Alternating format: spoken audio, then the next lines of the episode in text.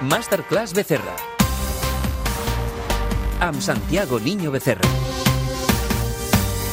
Coronavirus, coronavirus, lávense las manos, háganlo seguido. Coronavirus, coronavirus, pónganse las pilas en lugares concurridos. Coronavirus. Si hi ha una paraula que sens dubte serà la paraula de l'any i qui sap si de la dècada és coronavirus. Un dia més saludem el catedràtic d'Economia, Santiago Niño Becerra. Què tal? Benvingut, bona nit. Què tal? Bona nit. Comencem aquesta nova masterclass, avui íntegrament dedicada a com l'economia està afectant el coronavirus. Santiago, tu segur que estàs analitzant totes les dades econòmiques en relació a aquest virus, però si pregunto si estàs preocupat a nivell personal també de posar-te malalt, què em dius? Tens la sensació de, de que estem en risc o no?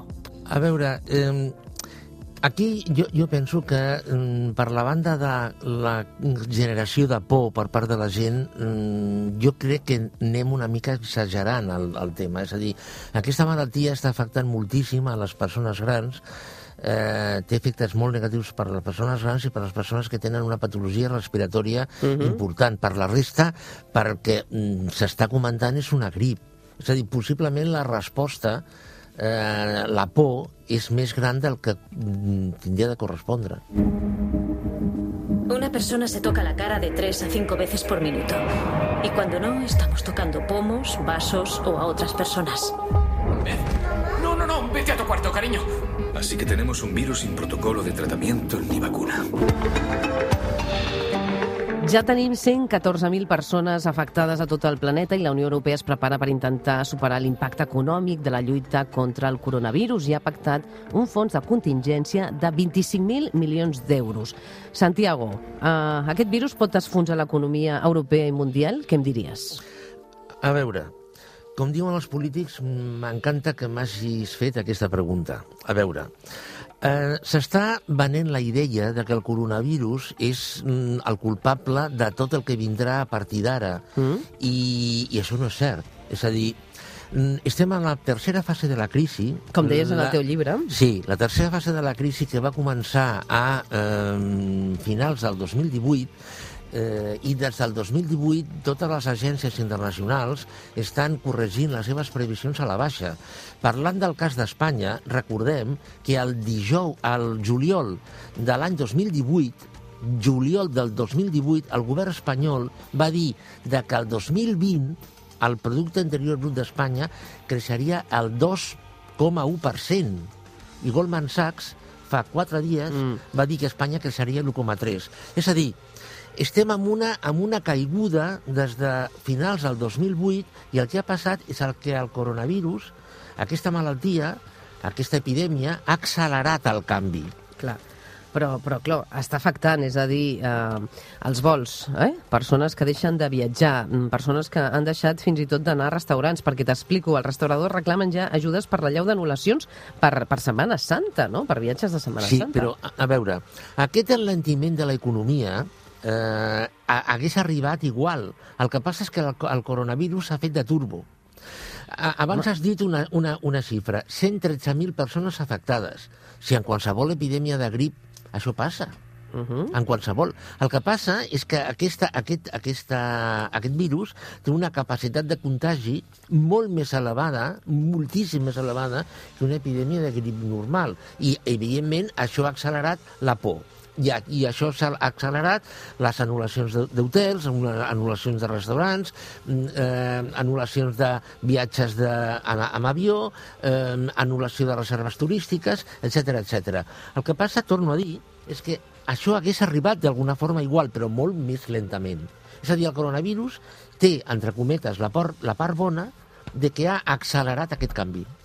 Ha accelerat aquest canvi. Uh, per exemple, davant d'aquesta crisi, el Gremi de Restauració de Barcelona, què et sembla? Demana mesures excepcionals per pal·liar els efectes uh, econòmics. Quins sectors uh, creus que poden quedar més perjudicats? Ara estem parlant de l'activitat de bars i, i restaurants. Recordem que també s'han suspès els actes de més de 1.000 persones a, a Catalunya i, a més a més, si parlem d'altres comunitats autònomes, hi ha mesures més estrictes, no? com a Madrid, La Rioja, etc. no? Això està afectant a sectors. Sí, però és que, a, a veure, a, a, això de les mesures compensatòries no, no ho entenc. Po- Poso un exemple, un exemple real. Eh, conec un restaurant eh, que mm, treballa sobretot amb estrangers eh, i li han, eh, per als propers dies, li han cancel·lat el 30% de les reserves. Molt bé. I imaginem que a aquest restaurant li donen, una de les mesures que s'està parlant, és una pròrroga amb el pagament de la Seguretat Social. Una mora en el temps de la Seguretat Social, no? Imaginem a la vegada que li donen una, una, un, una, una, una demora amb el pagament d'impostos. Sí, sí, però les anul·lacions ja les ha tingut. És a dir, els ingressos no els tindrà. Jo, mesures compensatòries mm, amb, amb aquesta via és que no, no veig l'efec- l'efectivitat que poden tenir. I per altra banda, per altra banda, per exemple, eh, a, a, a fa res, un parell d'hores, el, el senyor ministre mm, Escrivà ha dit de que el govern s'està plantejant donar eh, ajuts per pagar cangurs eh, per la gent que, les persones que Han d'anar a treballar. que han d'anar a treballar Mm. i els seus fills esti, estiguin a casa. En el cas de la Comunitat de Madrid, per exemple, eh? Sí, aquests diners d'on sortiran? Uh -huh. Per, perquè, clar, recordem que Espanya és un país que té eh, un dèficit del 2,1%. Eh, eh, és a dir, mm, es crearà un nou impost per pagar aquests ajuts? Es deixarà de gastar en una altra cosa?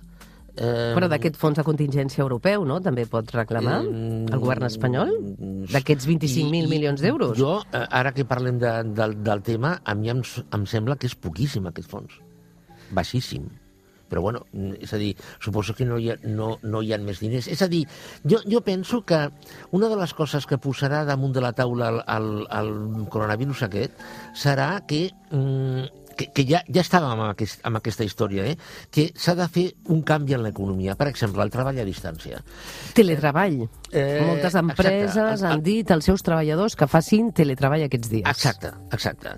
El teletreball es coneix ja des dels anys 90, es coneix el teletreball. Hi ha una consultora britànica que ha fet, eh, un, va, fa uns anys, ha fet un estudi i amb el teletreball de mitja s'estalvia el 65% de costos. És a dir, jo, jo penso que una de les coses que tind portarà el, el, la malaltia aquesta serà l'acceleració de la implementació del teletreball. Hi ha economistes que asseguren que el coronavirus és l'excusa perfecta per tirar endavant una idea que ja havia començat també a posar-se en marxa, revertir la globalització.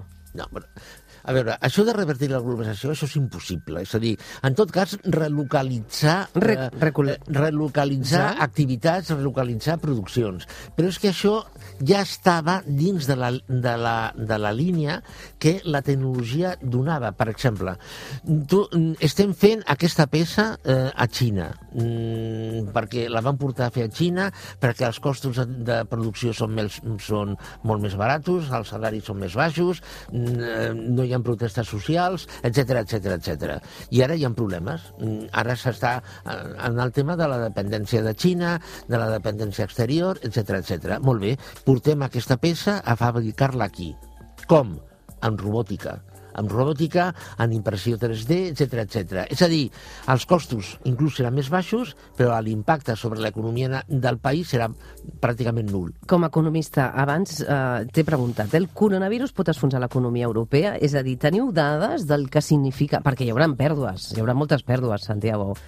Xifres Sí. en, en teniu ja els economistes de l'impacte econòmic? Hi ha, hi ha estimacions. El que passa que són estimacions que estan variant cada dos per tres. Aproximadament, per, per exemple, estem par s'està parlant entre un 0,2 i un, un 1% o 1,5% del PIB mundial. Eh, mm, però això, això està... Quina canvi- xifra és aproximadament, això seria? Eh, és, això estem parlant, en, pot, pot variar entre 12 eh, i 60.000 milions d'euros eh, eh, o, o, o inclús més. És dramàtic. Més. Jo crec que fins i tot més, no? Perquè si, si a la Xina també, no? Contem tot el que ha passat a la Xina, potser fins i tot seria més. A, a, a Itàlia fins i tot s'han suspès temporalment el pagament d'hipoteques pel virus. És que estan passant mesures molt, molt alarmants, eh? Sí, quan la, llegim. és l'amor aquesta de les, de les hipoteques, però, Clar, però, clar. però, però a veure, però a veure, a, a veure. Ah, Iberia i Vueling han perdut en una setmana un, un quart del valor, si parlem de, de, de borsa, també. És a dir, tots els sí, moviments... Sí, però cuidado, la borsa estava caríssima. És a dir, aqu aquestes pèrdues de la borsa són lògiques, perquè la borsa estava caríssima. El que passa, aquestes pèrdues s'haguessin produït igual, però en lloc d'una setmana, en tres mesos. Sí, el petroli s'ha desplomat un 14% No, una setmana. petroli és un altre tema, perquè en el petroli la demanda ha caigut i a sobre hi ha una baralla entre Aràbia Saudí i Rússia a, ve, a veure qui té més poder per forçar el mercat del petroli. Mm, És que, a veure, no, no és només el, el, que- el que vull dir és que no és només el coronavirus, és que, és que són moltíssimes coses, Mhm. moltíssimes. El que passa és que, per exemple, sí, sí que tindrà canvis a nivell econòmic perquè hi ha activitats que tancaran, eh, hi, ha, hi ha botigues que tancaran, hi ha línies aèries que tancaran, per exemple. Teatres. S'estan cancel·lant obres de Per teatres. exemple, la línia, ja, estan, ja estan fent fallida mm, companyies petites d'aviació. Fa poc, mm, Flyer al Regne Unit va fer fallida. És a dir, això, això eh, afavorirà la concentració de capital, que s'hagués produït igual. Look at me. Positive for Howard Marks. I'm placing you under arrest for the future murder of Sarah Marks and Donald Dubin that was to take place today, April 22nd, at 0800 hours and 4 minutes. Estem preocupats perquè fins i tot eh, el coronavirus és, doncs, eh, ens preguntem una acceleració d'aquesta crisi. La perspectiva de mesures restrictives per frenar el virus ha provocat també més afluència als clients als supermercats i en alguns casos fins i tot cues i prestatges buits. Per tant, la possibilitat de que es dictin confinaments per a alguns sectors de la població i que s'hagin de passar alguns dies sense sortir de casa ha fet que alguns hagin sortit a comprar per omplir el rebost. Tot això hem d'enviar un missatge de, de tranquil·litat. Però la preocupació econòmica, jo he parlat amb diferents a, a, empresaris de diferents sectors, estan preocupats per la repercussió econòmica. Ma, clar, sí, però és que a veure, mm, Chantal, hi havia un excés d'oferta. És a dir, a, a veure, si ara em preguntes, escolta'm una cosa, tu creus que tancaran bars i restaurants? Jo et dic, sí, tancaran bars i restaurants. Però és que hi havia un excés de bars i restaurants. És a dir, eh, com, com estaven des de l'any 2012 visquent a base d'amfetamines financeres injectades, eh, s'estava en una dinàmica de consum en certa part fictícia. I aquesta part de consum fictícia doncs, estava a les botigues, als bars, als restaurants, eh, fins i tot a la compra de cotxes. Mm, això eh, anirà menys i, evidentment, el coronavirus el que ha fet és accelerar aquesta, aquesta dinàmica. És a dir, aquests bars i restaurants que tancaran, eh, tancaran no per al coronavirus, no per al coronavirus, sinó per aquesta tercera fase de la crisi. El que passa és que el coronavirus ha accelerat aquest tancament. Ah, dic el que diu la presidenta de la Comissió Europea. Eh? Farem servir totes les eines de què disposem per assegurar-nos que l'economia europea superi aquesta tempesta. Primer, ens assegurarem que l'ajuda estatal pot fluir cap a les companyies que ho necessitin i, en segon lloc, farem plenament l'ús de la flexibilitat que ens permet el Pacte d'Estabilitat i Creixement. Vindré, diu, amb idees concretes abans de la trobada de l'Eurogrup dilluns que ve, que serà molt important. A l'Eurogrup, a l'Eurogrup perquè el, el, el que no sàpiga, és la reunió de ministres d'Economia de la zona euro. Mm -hmm. És a dir, una reunió de polítics. De polítics. És a dir, aquests senyors i, i senyores doncs, parlaran des d'un punt de vista polític perquè estan portant la gorra del govern eh, del, el que representen. Jo, sincerament, aquestes reunions, doncs, bueno, mm, jo els hi dono el valor que, que, que, que poden tenir, però que no esperen miracles.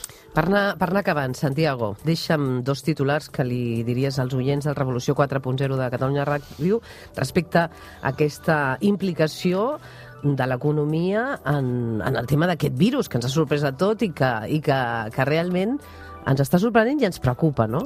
Quines frases Bueno, el per titular, acabar la el titular una mica, els titulars una mica serien que, mm, evidentment, això ha sigut inesperat, però que eh, ha sigut un turbo, és a dir, i, mm, el coronavirus ha sigut un turbo que ha accelerat el canvi que ja s'estava produint. Coronavirus, co- coronavirus, ya está aquí el co- coronavirus. Mira cómo habla el coronavirus. Coronavirus.